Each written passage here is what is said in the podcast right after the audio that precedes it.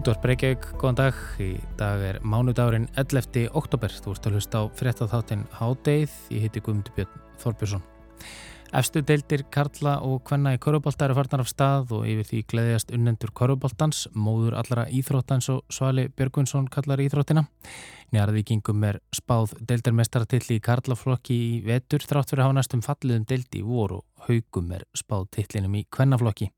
Sigurur Orri Kristjánsson, korfbaltalýsandi og reitstjóri karvan.is kemur til okkar í síðar hluta þáttarins og spáir í speilin fyrir átökinni vetur.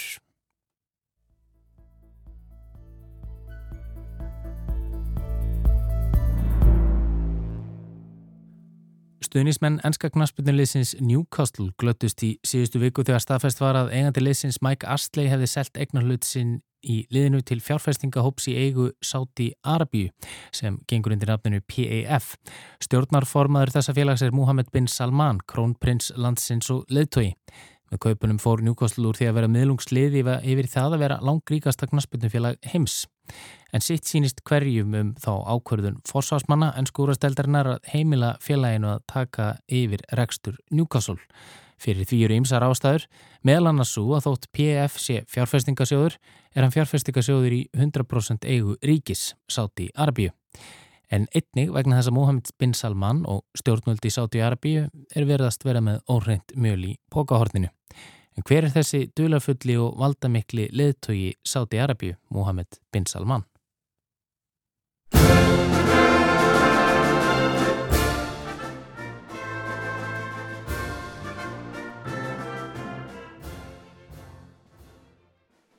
Það er breytingar sem hafa átt sér stað í Sáti Arabíu frá því Mohamed bin Salman tók við sem krónprins landsins á vakið eftirtækt á Vesturlöndum.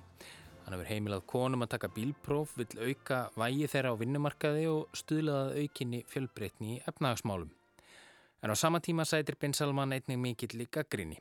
Stríðið í Jemen er runnið undan revjum hans sem á deilur Sáti Arabískra stjórnvalda við nágrannarikið Katar.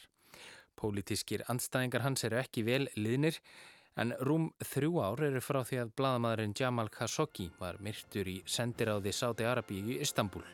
Nær örugt þykir að Bin Salman hafi fyrirskipað aftökuna. Meirum það á eftir. Árið 2015 varð Salman bin Abdul Sassis al-Saud settur konungur í Sáti Arabíu, þá áttræður að aldri. Salman tók við af hálfbróður sínum Abdullah sem lest í januar sama ár. Þeir voru sínir Abdul Sassis bin Abdul Rahman al-Saud fyrir um ættbálka höfingja sem stopnaði konungsríkið Sáti Arabíu árið 1932 og var fyrsti konungur þess. Salmani konungi var 13 barnaauðið og er krónprinsinn bin Salman sjötti sónur hans af sjö. Utan Sáti-Arabíu höfðu fáir heyrtum Mohamed bin Salman fyrir en fadir hans varð konungur árið 2015. Þá var Mohamed bin Salman þrítur en hann er fættur í ágúst 1985. Eftir útskrift úr háskóla starfaði Mohamed bin Salman um tíma í engageranum og sem ráðgjafi fyrir ríkistjórnina. Árið 2009, þá 24 ára gamall, hóf hann afskipti af stjórnmálum og gerist sérstakur ráðgjafi föðusins sem þá var ríkistjóri í Ríad. Hann kleif meturrastegan hátt og þegar fadir hans var gerður varnamálar á þeirra og aðstóðar varafósettisar á þeirra árið 2011 gerði hann són sinn að aðstóðarmanni sínum.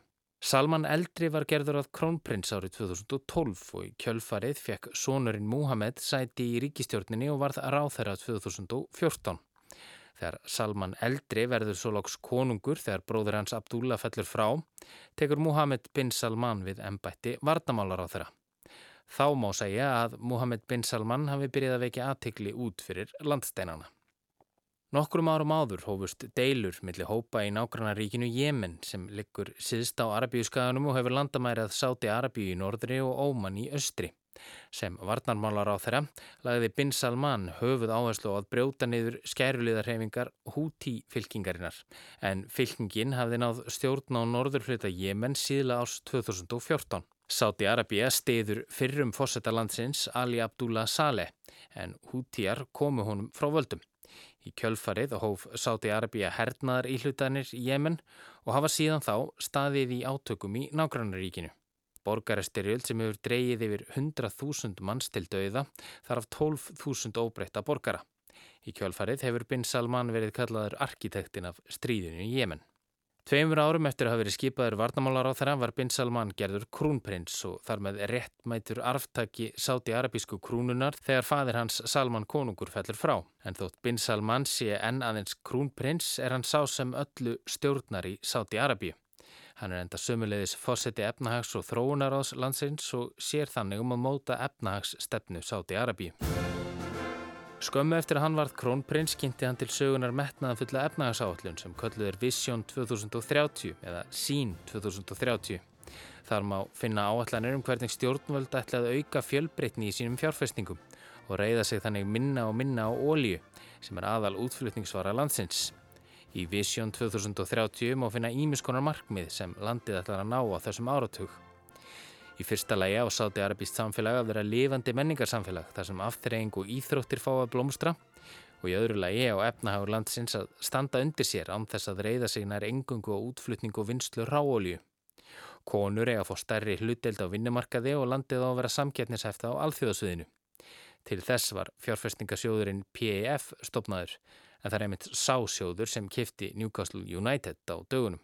Samkvæmt áalluninni er gert ráð fyrir að tekjur ríkisjóðs af öðru en ráolju verði vel yfir 200 miljardar bandarækjadólar á ári fyrir árið 2030. Sáti Arabi er stærsti útflutningsaðileg olju í heiminum en frá því ráolja fannst í landinu 1938 hefur hún verið þunga miðjan í efnahægi landsins og 67% útflutningstekna landsins nú eru tengdar olju. En með hlínun jarðar er krafan um orkuskiptið að verða hávarari og hávarari og það er ljósta þegar framlýða stundir verður eftirspurnin eftir ólíu minni og minni og þetta veit Mohamed bin Salman. En þótt Vision 2030 hljómi kannski vel er það staðrind að Sáti Arabia er jú allraðisríki og fer konungsfjölskyldan með öll völd. Þar eru sjarja lög við líði og staða mannréttinda þykir slæm.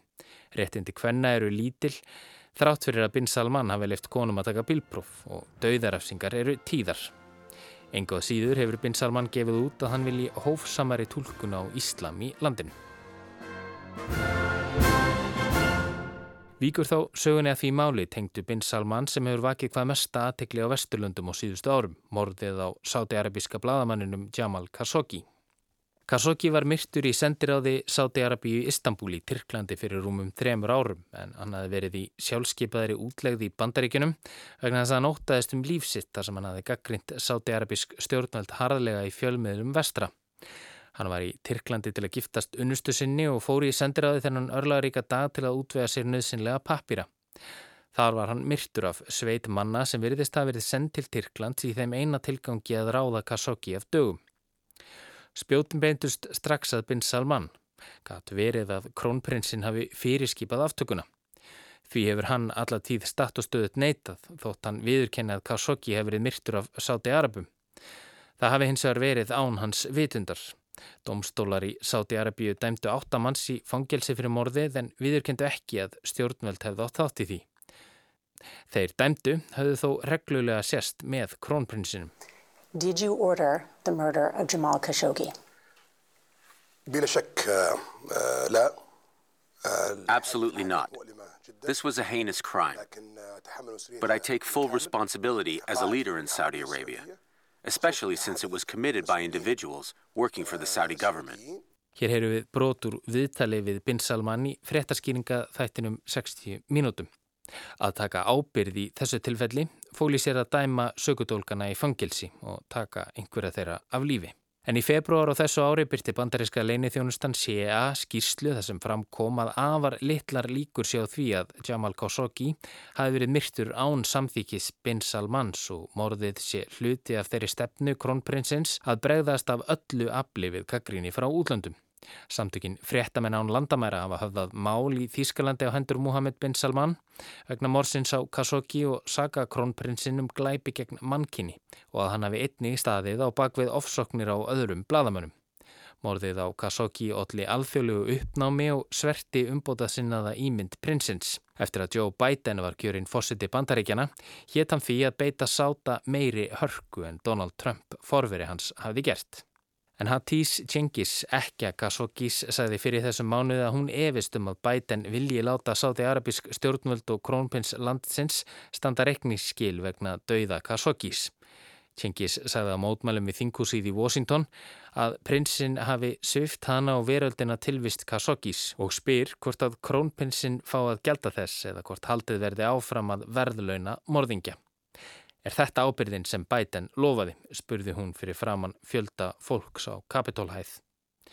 Þá gaggrindi hún einnig ennsku úrvalstildina, harðlega fyrir að heimila kaup PAF á ennska liðinu Newcastle United. Dildin sé þannig að heimila morðingja að eiga liði í ennsku úrvalstildinni. En þá fyrir við yfir í Íþróttirnar eins og vanalega á mánudögum. E, núna fyrir helgi hófst e, keppni í efstu deildum Karla og Kvenna í Körfubolta og hingað til mín komin er Sigurður Orri Kristjánsson, stjórnandi útastáttarins Boltin lígur ekki en þátturum fjallar um Körfubolta og Sigurður er sangallega sérfræðingur þessum málum. Vel... Já, afsakið, nú er hérna ekkur taknastir mér, Emmitt, þarna velkomin Sigurður. Takk.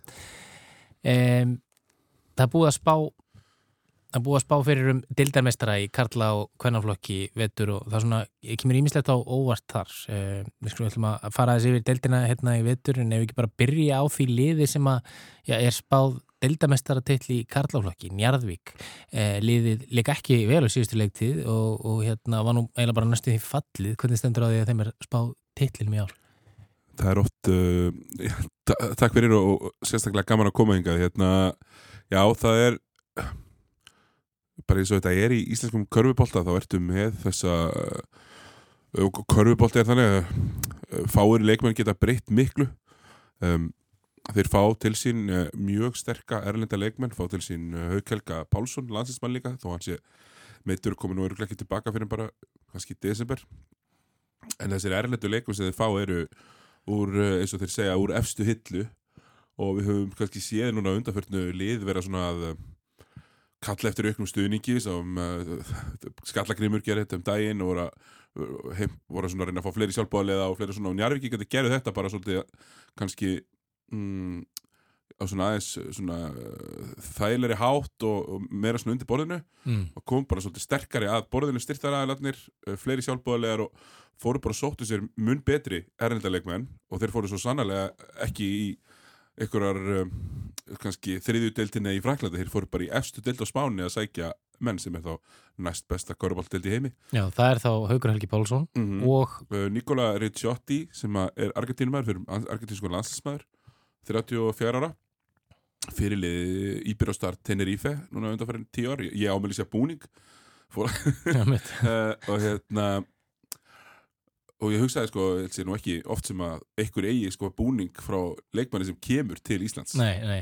Uh, og fáið líka til sín leikmann sem heitir Fotios Lambropoulos sem spilaði líka í FC Delta á Spáni með lengi, svona hávaksinn uh, leikmaður og svo Dedrick Basíl sem spilaði fyrir Þóra Akureyri í fyrra. Já, og þetta eru þrýr frábæra leikmenn og þeir líta óbúslega vel út í fyrsta leiknum þar sem eru völduð yfir núverandi Íslandsmistara Þór, Þórlagsson mhm, mhm. Og Benedikt Guðmundsson þjálfari liðsins er, er stórt púst í þessu líka Já, já, það skiptir máli að fá hann þann inn og, og það verður spennandi að sjá hvað snæreikingar standi undir væntingunum e, svo er, er þetta svona kannski nokkuð kunnulegt þarna í, í sætunum fyrir neðan keflingingum er spáður sett í stjórnunni í þriðja valsmönnum fjórða svo koma Tindastól, K.R. Grindavík Þór Þorlóksöp, I.R. Þórakur er í breyðablík og vestri, nýluðum breyðablíks og vestra er spáð falli. Það veikur kannski aðteglið að Íslandsmestrar Þór Þorlásafnar, eh, þeim er spáð áttundasæti. Eh, þeir náttúrulega urðu fyrir blóttöku í sömur, ekki? Jú, heldur betur, þeir uh, missaðu þetta frá sér allir þeirra þrýr erlendu leikmenn fóru annað stærri dildir og Styrmir Snær Þrastason þeirra svona, spú, svona kannski spútnik leikmaður sem átti frábært tímabil í fyrir að hann hann fer til Davidson háskólan, í Davidson háskólan í Norðkaralinu og Haldur Garðar Hermansson eldi ástina til Keflavíkur. Og hérna uh, þeirra svona vara leiksutnandi Já, þannig að þetta eru fimm svona þungaðustu postar sem eru horfnir. fimm af átta bestu. Og þeir svaraði sem með að sækja fjóra erlita leikmenn sem allir virðast vera góðir. Uh, kannski tekur bara smá meiri tíma. En allavega akkurat eins og staðan er núna og ég sá hérna þennan fyrsta leik og líka leikin í mestara mestarana sem þeir unnu öruglega uh, einmitt á mótin Jarvík Mhm. að, uh, al, sko það kemur nýra lindur leikmaður í þessar þrjá stöður og ég myndi segja að leikmaðurinn fyrra í, í öllum tilfellum sé sterkari leikmaður heldur en þeir sem komu inn í staðin Þannig og að, það lýsir kannski ástæðinu fyrir þeirri með spáð svona neðarlega. Einmitt, einmitt. full Eh, neðarlega mínum að þetta er reyndar en, en það er eins og það er. Já, e, það var nú svo sem ekkert, búist inn eitt allt og miklaðum í fyrra þeir fóru unnu, unnu titilinn. E, keppvíkingar voru svona áleitin langsterkasta liði í fyrra og, og, og svo þegar komið var í úslega við gegn Þór þá, þá einfallega voru, voru Þórsar betri. Heldur að keppvíkingar sem eru spáð öðru seti núna heldur að þeir, já vil ekki sína það að þeir séu besta lið landsins og vinna þetta í ár? Jú, maður hefði haldið það. Uh, þá mæta þeir samt í fyrsta leik á, á Jakanum á Ísafjörði með áttamanns sem að mér finnst óbáslega daburt bara svona svo ég segi það. Uh, Já, En- fá, mér hann hóp. Já, mæta bara með átta í fyrir tólf sem að mm Mhm. með voru skýslu og um, mæti ekki með bandarækjamænin sinn sem var ekki búin að fá leikheimild það hefði vist verið svona, er eitthvað nýja reglur uh, í hjá hérna þeim sem sjáum þessi mál sem ekki hjá kauruboltarum heldur hjá uh, ríkinu, hjá útlendinga útlendingastofnun uh, eitthvað Mhm. slíkt mm. og það hefði verið hægara uh, svo var uh, landslýsbakurinn Hörður Axel Viljansson ekki með en þeir bara rendi í miklum vandræðum og unnu tvíframleitna leik með tveimur stegum þar sem að, að mínum að þið langbæsti leikmaður síðustu tveggja ára uh, Dominika Smilka, Litáin uh, að var einfallega bara lélegur og virtist, virtist vera orðin mögulega pínu, pínu liti værukjær hér á Íslandi. Já, einmitt, einmitt. Hann þarf að, hann þarf að ríða sig í ganga sem maður segir. Já, það er jósið í gang og kannski bara hann, hann þarf að bara um, missa nokkuð kíló Milka, eins og hann lítur út núna. Einmitt, einmitt. Eh, En talandur nýliðana, eh, vestri, þeim er, þeim er spáð fallið, þeir standa sér vel hann í fyrsta leik, hvað með, hvað með? Eh, Ég fór í K-reimilið, þar sem Blikar spiluðu sinn fyrsta leik á móti KR Eh, fyrsti leikurinn í deildinni hjá báðum liðum, þar sem KR vann í framlengingu emitt. Það fóru þrýr leikir í framlengingu í fyrstu umfyrinni, sem er frekar skemmtilegt. Já, ég Blikarnir mæta Pétur Ingvarsson þjálfari uh, fyrir um þetta frábæleik maður á sínum tíma og gerði flotta hluti með ímislið, til að mynda Hamar. Hann er þjálfari og hann er með svona sérstakann stíl, hann svona fyrir NBA hausana, hann, ég myndi kalla hann Don Nelson Já, Íslands. Já, spila svona mjög hraðarbolta tvær, þrjár sendingar og þristar mikið og, og það er ekkert verið að býða það er bara farið beint í leikkerfi sem á að spila bara á fyrstu sekundum skotklökunar og þeir eru með góða einn á einn spilara, góða skórara en þeir spila engar varnarleik og þeir eru eiginlega ekki með miðherja um, fyrir utan hann hérna Sveinbjörn miðherjan hjá þeim sem ég man ekki alveg föðurnafnið á en hann er mjög stór alveg svona mm, þetta er, jú, sennilega massaðasti leikmaður sem ég hef séð spila mhm, og hægur eftir því á löpunum mhm, mm, þeir fenguð Sýnisa Bílits sem að spila með valsmönum í fyrra og mhm. fyrir mér allir bara vonbrið Mhm. mm. og hann eh, er svona leikmaður sem er mjög mikið, hann er með alltaf hornum sér uh, svona voða pyrraður ég hérna, ég hef ágjörð af blikunum og mér finnst ekki vera sérstaklega svona mikið styrkleika merki eða svona merkjum að menn ætli sér alvarlega hluti í vetur að mæta í einhverju æfingasetti sem lítur út og náttföt í, í fyrsta leik Já, það er svo leis. Það er, já, einmitt, eh, en, en ég var blikar og vestri enga síður, þeir, þeir fara í framleggingu fyrsta leik, þannig að það er kannski ekkit útilokað að þessi lið, já, haldi sér, í deildinni. alls ekki, mér finnst það mjög jákvætt að, að hérna um, að við getum hort á þau og hugsað strax að, að þeir sé ekki fallbissufóður það er alltaf svo óbúslega leðilegt þegar þú ert með eittlið í dildinni sem að vinnur ekki leik.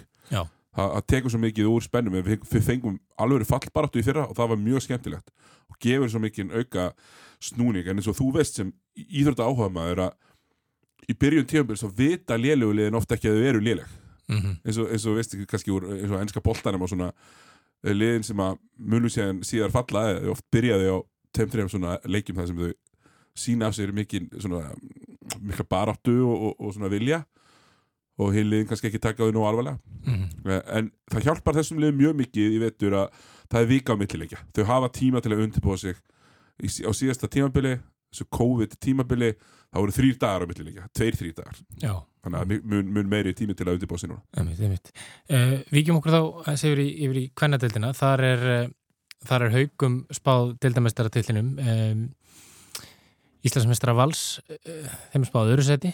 Uh, hvernig stendur það þessu? Hver er svona aðal ástæðan fyrir þessu? Helena Sverrisdóttir, uh, langbæsti leikmaður sögunar í hverja flokki er komin aftur heim til hauka Já, hún skiptir nú lið, Hún þegar hún vel í hauka Já, og, og hún hefur bara verið gangandi Íslandsmyndstæra titill allan ferilinn þegar hann hefur ekki verið að spila Erlendis með, með, með sterkum Erlendum liðum þá já, hún, hún fór í Európa-kjæfninu um daginn með haugunum það haugarnir mér finnst það reyndar svo í rósið þínu bara hér í, í beinni í ríkisúttöfninu að, að hérna að mikill metnaður hjá haugunum í kvennakörunni. Það er eitthvað að spila í Európa-kjæfni hann fór í undankjæfni á móti liður á Portugal og unnu. Og ég og, og það sá það í lokin á leikjunum að Helena Sverrisdóttir, 33 ára uh, það, er, það er sko 25 mínútur síðan hún egnaði spatt nummer 2 og samt kemur hún það og er, er langbest á vellinum líka með öllum hinnum það sem eru aðtunum inn í hinliðinu. Og, og dróði þetta bara svolítið að landi og ég held að hún muni og eins og hún hefur gert áður bara er ég að bakka munin í, í þessu eins og öðru. Einmitt, einmitt. Hvað með valskonur? þær eru mjög sterkar líka, mikið af landsinskonum um, uh, þegar að spila við val þá við haukast þess að það valið spila við hauka þá eiga það bara ekki viktina í, í helina því helina er bæði sko sennilega best í körubólta svo eru líka um svo mikla líkamlega yfirbyrð Mm.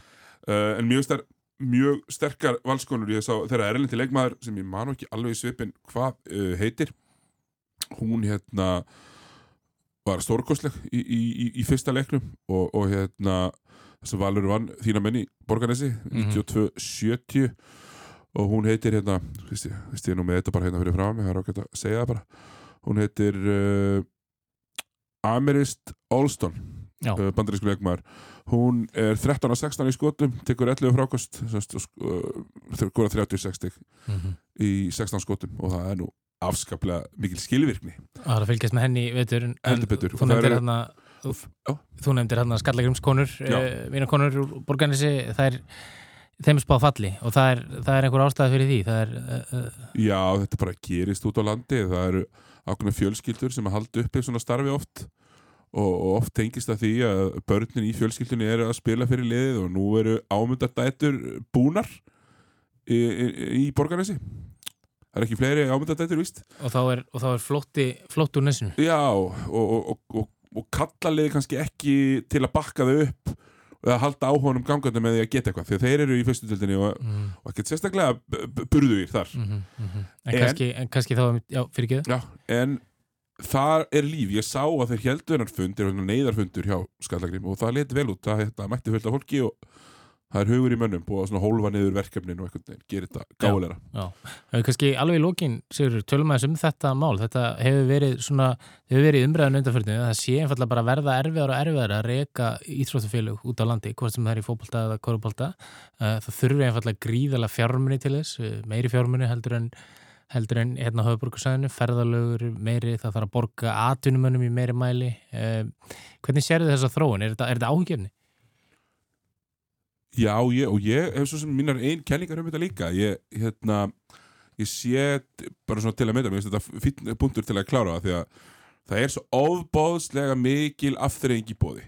Að, að vera sjálfbóðaliði, ykkur körfuboltaliði eða fótboltaliði er bara kannski ekki eins aðlandi og hillandi og það var. Í samanbyrðið við hitt, uh, fyrir 15 árum síðan, eða 10 árum síðan, þá varst þú bara annarkvort horfir þú á rúf eða stöð 2, varst í kór eða eitthvað út á landi eða, eða varst þarna í íþjóðastarfinu og nú er þú með 15 streymisveitur uh, þú getur sint sko áhámálum í gegnum internetið uh, hitt vinu og ætti ekki gegnum internetið og ég held að það sé bara erfiðar að fá sjálfbóðaliða uh, og sama með kannski eins og segir fjármununa uh, fyrirtæki eru kannski ekki eins stöndu það eru bara færri fyrirtæki út á landi og það er ekki allir sem að búa því að hafa bakkjalla eins og til dæmis kannski samherja á Akureyri eða, eða eitthvað slíkt sko Þannig að þetta er ágefni og ég veit ekki alveg hvernig við ætlum að leysa það uh, því að mér finnst svo leið sem hefur bent á þessi svo margir útlendingar, mér finnst það mjög ódýr útskýring því þetta er þróun sem að hóst fyrir ansið löngu og við sjáum bara hvað gerist til dæmis inn í hólmi. Ég mitt að Sigur Orri, kæra þakki fyrir komuna í hátdeið sem verður ekki lengra að þessu sinni. Eh, Þátturinn eru aftur á dagskrá á morgun og þá er þetta að hlusta á hann inn á spilaran og rúbúndiris og öllum helstu hlaðvarps veitum. Verið sæl og heyrumst á morgun.